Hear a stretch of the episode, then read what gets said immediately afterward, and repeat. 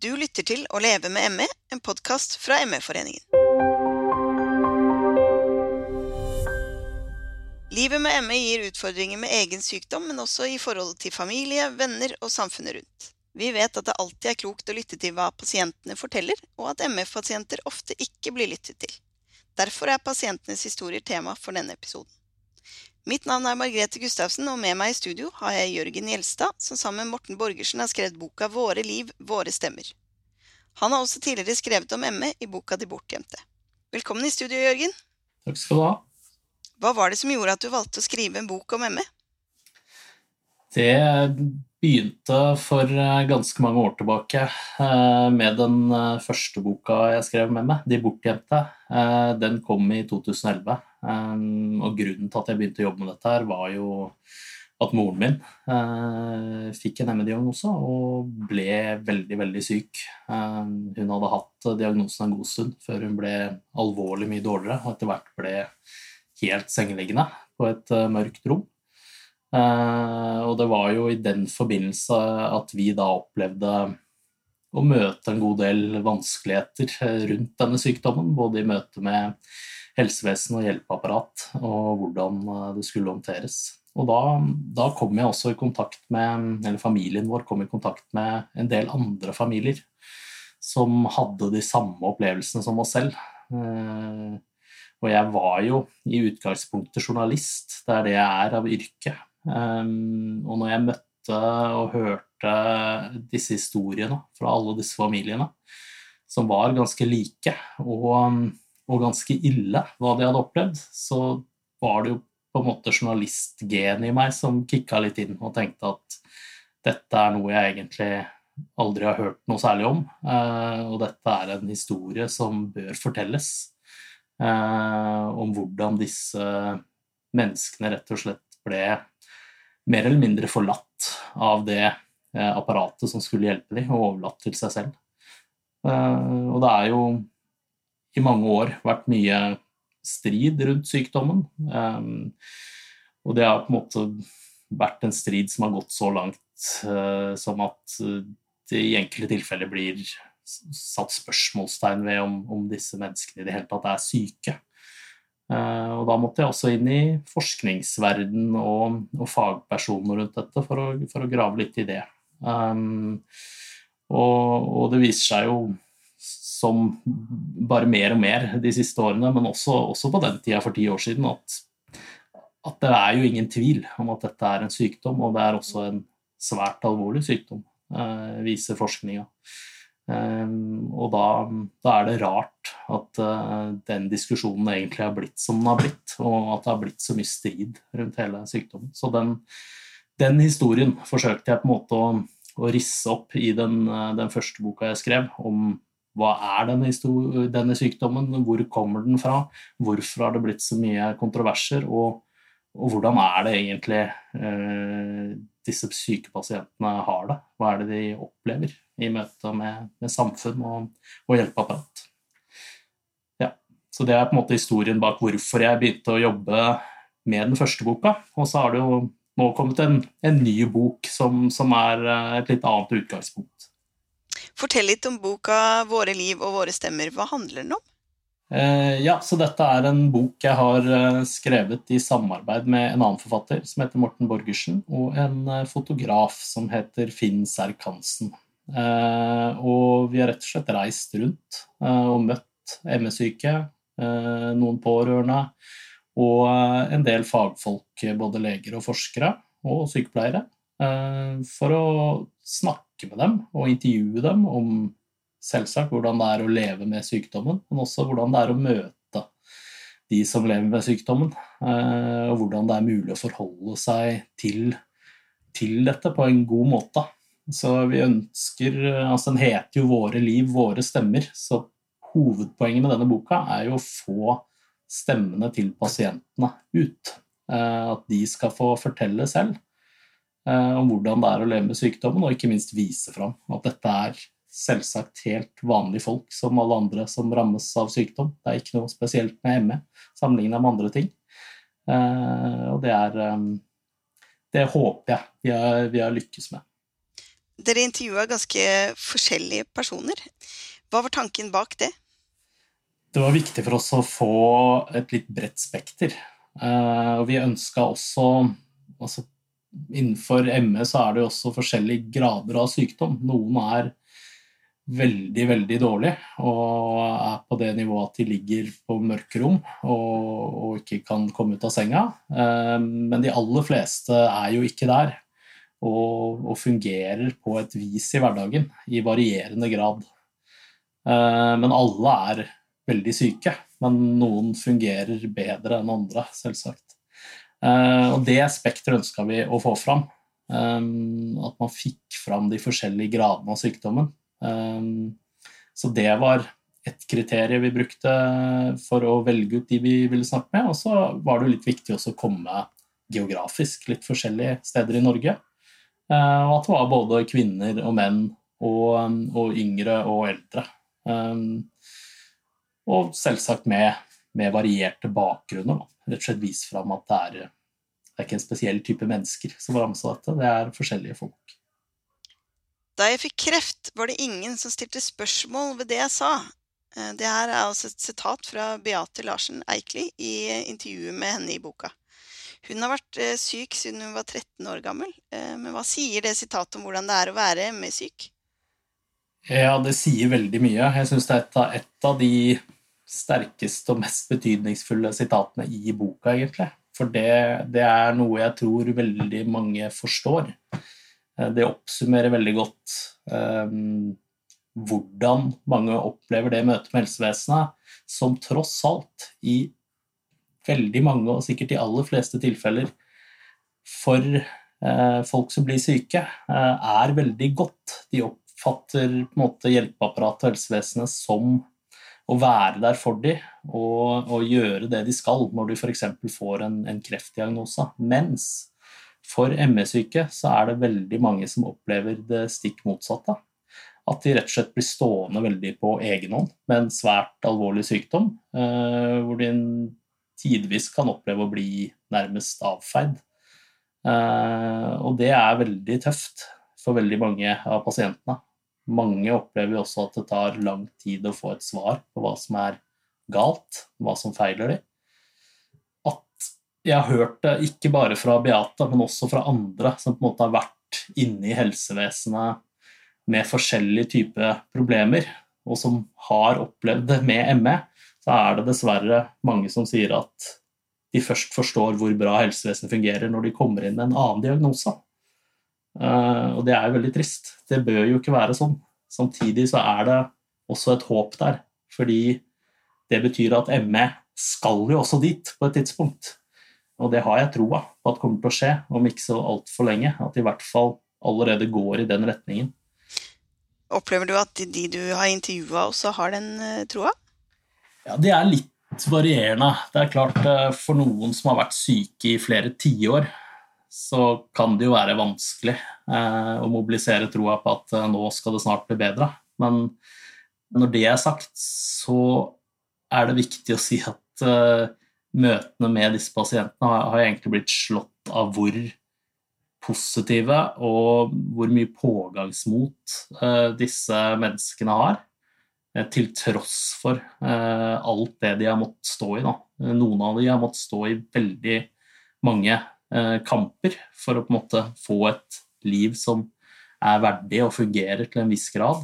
Og allikevel så er de overraskende positive, galgenhumoristiske, Eh, og har på en måte tro at det skal gå framover. Og ikke minst veldig mange pasienter innenfor ME-gruppa er veldig opptatt av forskning, og at man på en måte må satse på å få mer kunnskap, og at det er der svaret ligger. Og det gjør det jo, helt åpenbart. Så, så det er også en sånn type positiv eh, og nyttig innstilling å ha, tenker jeg. Eh, at man ser at at det er der eh, veien går fram mot eh, både bedre oppfølging og bedre behandling. I boka intervjuer du, som du sier, ikke bare pasienter og pårørende, men også forskere og helsepersonell. Kan du fortelle litt om hvem de er? Ja, der ønska vi jo også å prøve å få Altså ha et litt bredt utgangspunkt. At vi skulle både få snakka med noen som jobber med voksne, og også noen som jobber med barn og unge. Så vi har intervjua lege og forsker Katarina Lien, som har jobba mye som lege med voksne ME-syke, men så har hun også forska på det. Mens professor og barnelege Christian Sommerfelt fra, fra Haukeland i Bergen han har jobba med barn og unge i mange, mange år veldig mye kunnskap der, og også involvert i forskning. Og så har vi snakka med psykologspesialist Ketil Jacobsen, som jobber eh, i BUP, i tilknytning til St. Olavs i, i Trøndelag. Eh, han har også jobba mye med barn og unge, og har eh, mye erfaring med det. Og så har vi også gått utenlands, rett og slett, for å finne noen av de sterkeste fagstemmene på området forskningsmessig. Der har vi kanskje den, den største liksom, forskerstjerna blant de som er intervjua, er, er, Ron Davis, som er professor ved Stanford-universitetet i, i, USA, og som er på en måte en av de store pionerene innen genforskninga. Uh, og er en verdensberømt forsker på det feltet. Uh, men han har da begynt å jobbe med ME-forskning de siste åra, rett og slett fordi sønnen hans har blitt uh, veldig, veldig syk. Så han møtte vi i London før pandemien, så såpass lenge har vi jobba med det prosjektet. Og der møtte vi også Mady Hornig, som er en annen forsker fra USA, som jobber på Columbia i New York. Og hun har jobba mye med immunsystem eh, og den biten av forskninga. Eh, og Betzy Keller, som, eh, som, også er en amerikansk forsker som har jobba mye med dette, som ser på energiomsetning, belastningstester, eh, som har vært med å vise at, at ME-pasienter rett og slett tåler belastning og aktivitet veldig mye dårligere enn andre friske, men også andre pasientgrupper. Så det er et ganske bredt spekter av forskere der også. At dere gjorde, altså, gikk såpass langt som å dra utenlands, eh, handler det litt om at eh, ME-pasientene er såpass opptatt av forskning? Ja, og så er det jo noe med å prøve å Altså, vi har bra ME-forskning også i Norge, det er viktig å si. Det er etter hvert flere miljøer eh, i Norge som også er involvert, uh, og som blir lagt merke til ute i verden. Uh, men denne gangen har vi valgt å, dra inn noe internasjonalt også, litt også fordi man ønsker å, å få vist En ting er at det er pasienter og pårørende som vil lese denne boka, men det er kanskje også en del i helsevesenet som vil lese boka, og at de også får et innblikk i at dette er noe som går langt utover Norges grenser, og som faktisk tiltrekker seg eh, veldig solide forskere eh, der ute som ønsker å jobbe med det, eh, og som mener det er viktig. Som mener det er veldig viktig. Så, så, det var også noe av grunnen. Rett og slett vise det fram og få litt kred, om ikke annet. Eh, det er jo noe med det. Så så det var noe av bakgrunnen for det. Og så er det selvsagt i en sånn type arbeid så er det også litt tilfeldigheter som spiller inn. Vi var på en konferanse i London hvor vi visste det var invitert noen av de eh, bedre forskerne, og da, da, er det litt hva du får til, og hvem du får møtt også, som avgjør hvem, hvem du får i havn, for å si det sånn. Fagfolkene du har snakket med, forteller om møtet mellom pasienter og helsevesenet. Hvordan opplever de å jobbe med, med pasienter? Eh, veldig mange har jo de legene jeg har snakka med. Jeg har jo snakka med mange leger som heller ikke er med i boka. Så jeg har jo snakka med mange leger som jobber med pasienter, og mange har jo snubla litt inn i feltet gjennom at de tilfeldigvis har hatt en pasient som kanskje har gjort eh, spesielt inntrykk. Og ofte er jo da det inntrykket hvor dårlig eh, pasienten er, og, hvor lite hjelp de har eh, fått. Eh, og så har de kanskje blitt nysgjerrige og, og, og vilt lære mer og møtt flere pasienter etter hvert. Eh, så er det en ganske en opplevelse mange har, ikke bare leger, men også annet helsepersonell. Eh, det tror jeg er at de, de kan synes det er vanskelig å møte en gruppe pasienter hvor de føler de ikke har noe særlig mange verktøy, og hvor de kanskje ikke føler de får gjort så mye. Og de får i hvert fall ikke på en måte kurert eller stilt opp med medisiner eller andre ting som leger gjerne vil gjøre. Og selv om det alltid er pasientene som, som, er de med det tøffeste utgangspunktet, så kan en sånn situasjon også være ganske tøff å stå i for en del helsepersonell. Og det er litt greit å ha med seg i bakhodet også. Det er ikke så lett for en lege eller andre i helsevesenet å si at vet du hva, ser du er veldig syk, men her har vi ikke så mye å stille opp med. Så, så det er også en sykdom som ofte tar litt tid å forstå sykdommen. Eh, og det er også noe mange leger sier, at de har måttet følge det over tid for å skjønne hvor dårlig pasienten er, for du møter de alltid første gang på gode dager, eh, hvor de faktisk klarer å komme seg til legen og har liksom gjort seg klar for det eh, og bygd seg opp for å kunne være der. Og det er da legene møter disse pasientene. Hvor det kanskje ikke nødvendigvis er så lett å se og skjønne umiddelbart at de er veldig dårlige. Så det tar tid å, å ta inn over seg hvordan denne sykdommen funker. Tror du det er noe av årsaken eh, til at mange føler at de møter en del motstand i hjelpeapparatet? Det er nok en del av det. Eh, at man ikke ser alltid direkte at pasientene er veldig dårlige. Eh, så er det nok mange andre ting også som spiller inn, som på en måte det stigmaet som er knytta til sykdommen, eh, hvordan den offentlige debatten rundt sykdommen har vært. Altså, dette er jo også noe eh, leger og, og, andre får med seg og har med seg inn i møte med pasienter. Eh, så jeg tror nok det er sammensatt hvorfor mange opplever at de ikke får den hjelpen de burde ha fått. Og så tror jeg også mange helsevesenet gjør så godt de kan, og så blir det rett og slett allikevel bare galt. Eh, og så blir det en kommunikasjonskrasj der, rett og slett. Eh, og da er det vanskelig å komme seg videre.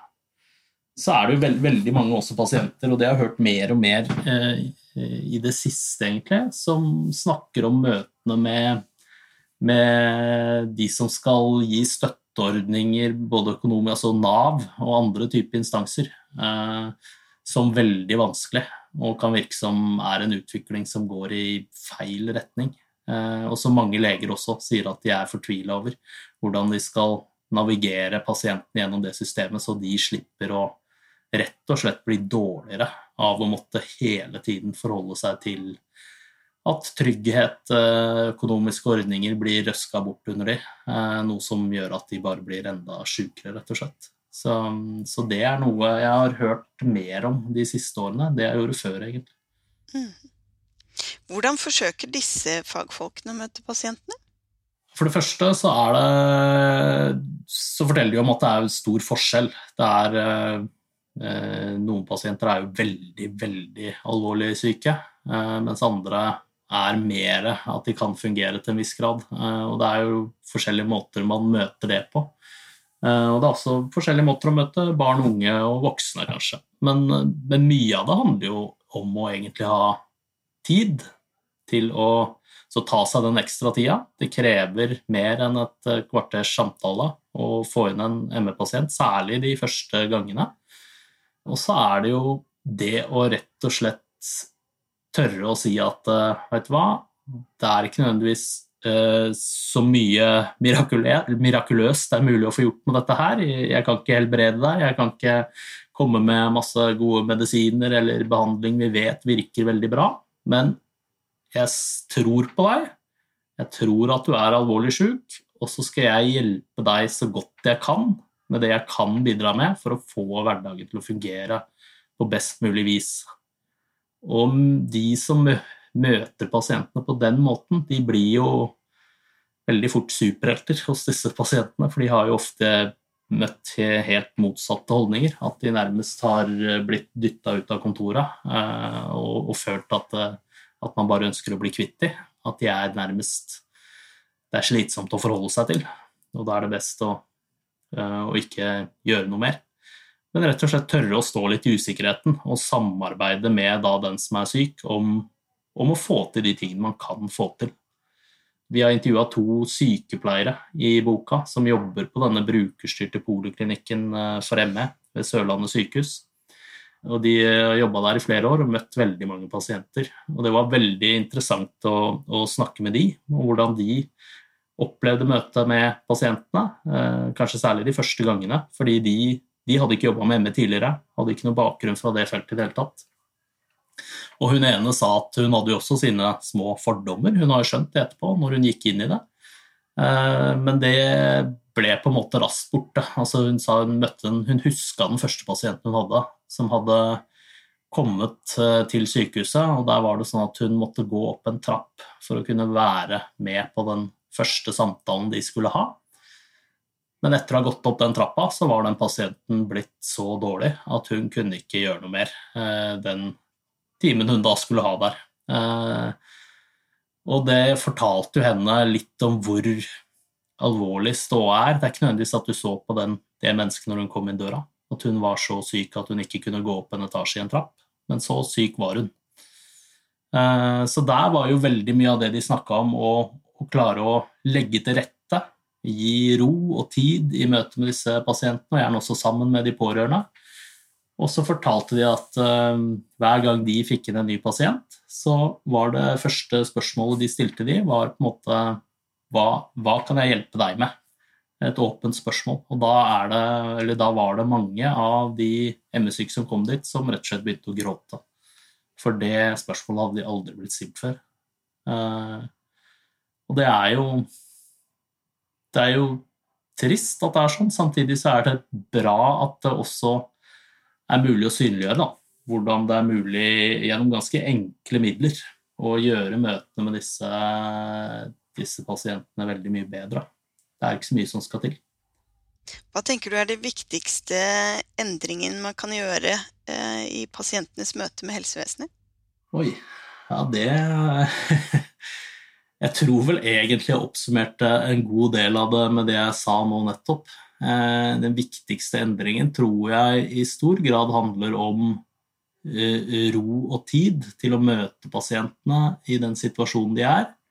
Og så tror jeg også det handler om eh, at folk i hjelpeapparat og, og helsevesen aksepterer den usikkerheten man står i. At man ikke helt vet hva denne sykdommen er ennå men at da må man ta tak i de tingene man kan gjøre noe med. For alle pasienter, uansett eh, sykdom og diagnose, har en hverdag som de skal prøve å få til å være best mulig.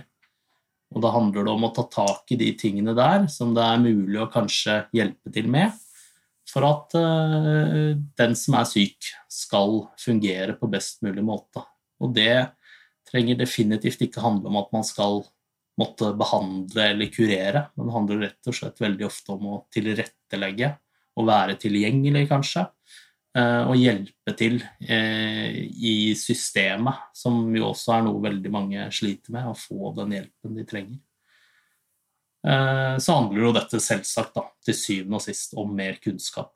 Og at den kunnskapen må nå ut til enda flere. For det begynner å bli en del kunnskap om, om ME hva det er, og hvordan det er å leve med, og, og hva man kanskje kan eh, prøve å gjøre noe med. Men den kunnskapen er fortsatt ikke veldig allmenn der ute i, i samfunnet. Så, så, mer kunnskap og mer forskning, ja takk.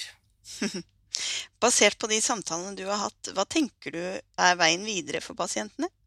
som veldig mange av pasientene selv også sier, den viktigste veien videre sånn i det store bildet er forskninga og øke kunnskapen om sykdommen. Der ser man klart positive tendenser nå. Det satses mer enn før på forskning på ME. Man vet etter hvert mer enn før, og det begynner å komme mer og mer solide fagfolk inn i feltet som bringer det videre framover. Men for pasientene i hverdagen, så er jo det aller viktigste, og det hører jeg også mange som sier, er egentlig én person inn i systemet, gjerne da en lege, som tror dem eh, og forstår hva de står i, og prøver å hjelpe dem eh, så godt eh, det er mulig. Da. Og det er ekstremt viktig for disse pasientene å ha i hvert fall den ene personen Gjerne en fastlege, f.eks. Og så på en måte bygge derfra. For det en god del har opplevd, er jo å stå kliss aleine. Altså, de har ikke engang kanskje en, en fastlege eh, som, som, de føler at forstår, da. Eh, og da er det fryktelig tungt for mange, eh, fordi du nærmest opplever at det apparatet som skal hjelpe deg, altså hjelpeapparatet og de instansene som er der, eh, nærmest blir kanskje feil å bruke ordet fiende, men det er nesten sånn en del opplever det, dessverre. At de hele tiden må inn og kjempe, og at de gruer seg til hver gang de skal møte noen i hjelpeapparatet, fordi de vet at de må argumentere for hvorfor de trenger ting, om de i det hele tatt er syke, om de ikke bare kan ta seg en tur i skogen, om det ikke er det ikke bare å Ikke sant? De møter den der altfor ofte, veldig mange.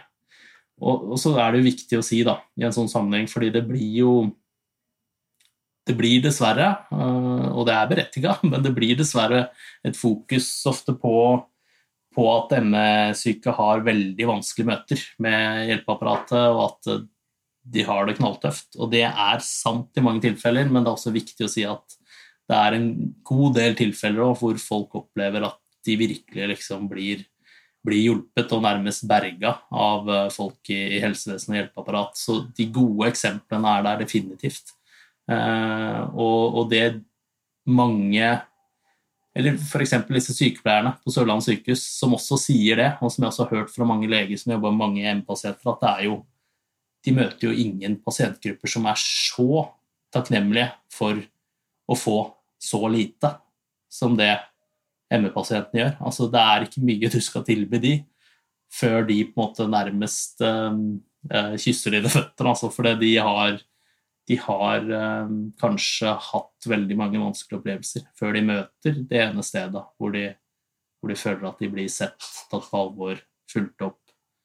Eh, så, så, det er på en måte Det er en negativ biten av det, at det er sånn. Samtidig så er det også noe positivt der, tenker jeg, fordi det betyr at, at det er mulig å få til ganske mye bedre møter for disse pasientene med ganske få midler, for å si det sånn. Det er ikke så mye som skal til.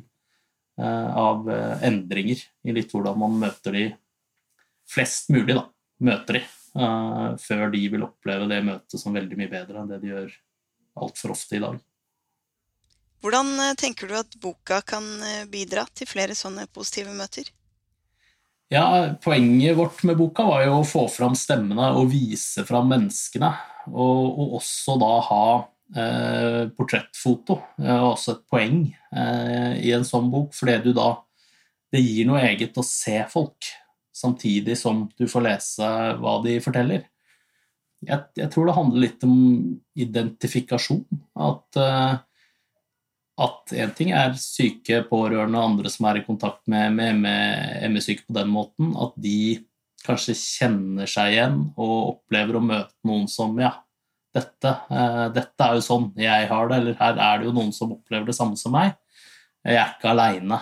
Eh, det er den ene biten av det. Den andre biten er jo forhåpentligvis at det er eh, en del i helsevesenet og hjelpeapparat som også kan lese boken og, og oppleve en form for identifikasjon og forståelse gjennom de menneskelige historiene. Det er ofte lettere på sett og vis å å ta inn over seg når man møter mennesker på den måten gjennom tekst og bilde.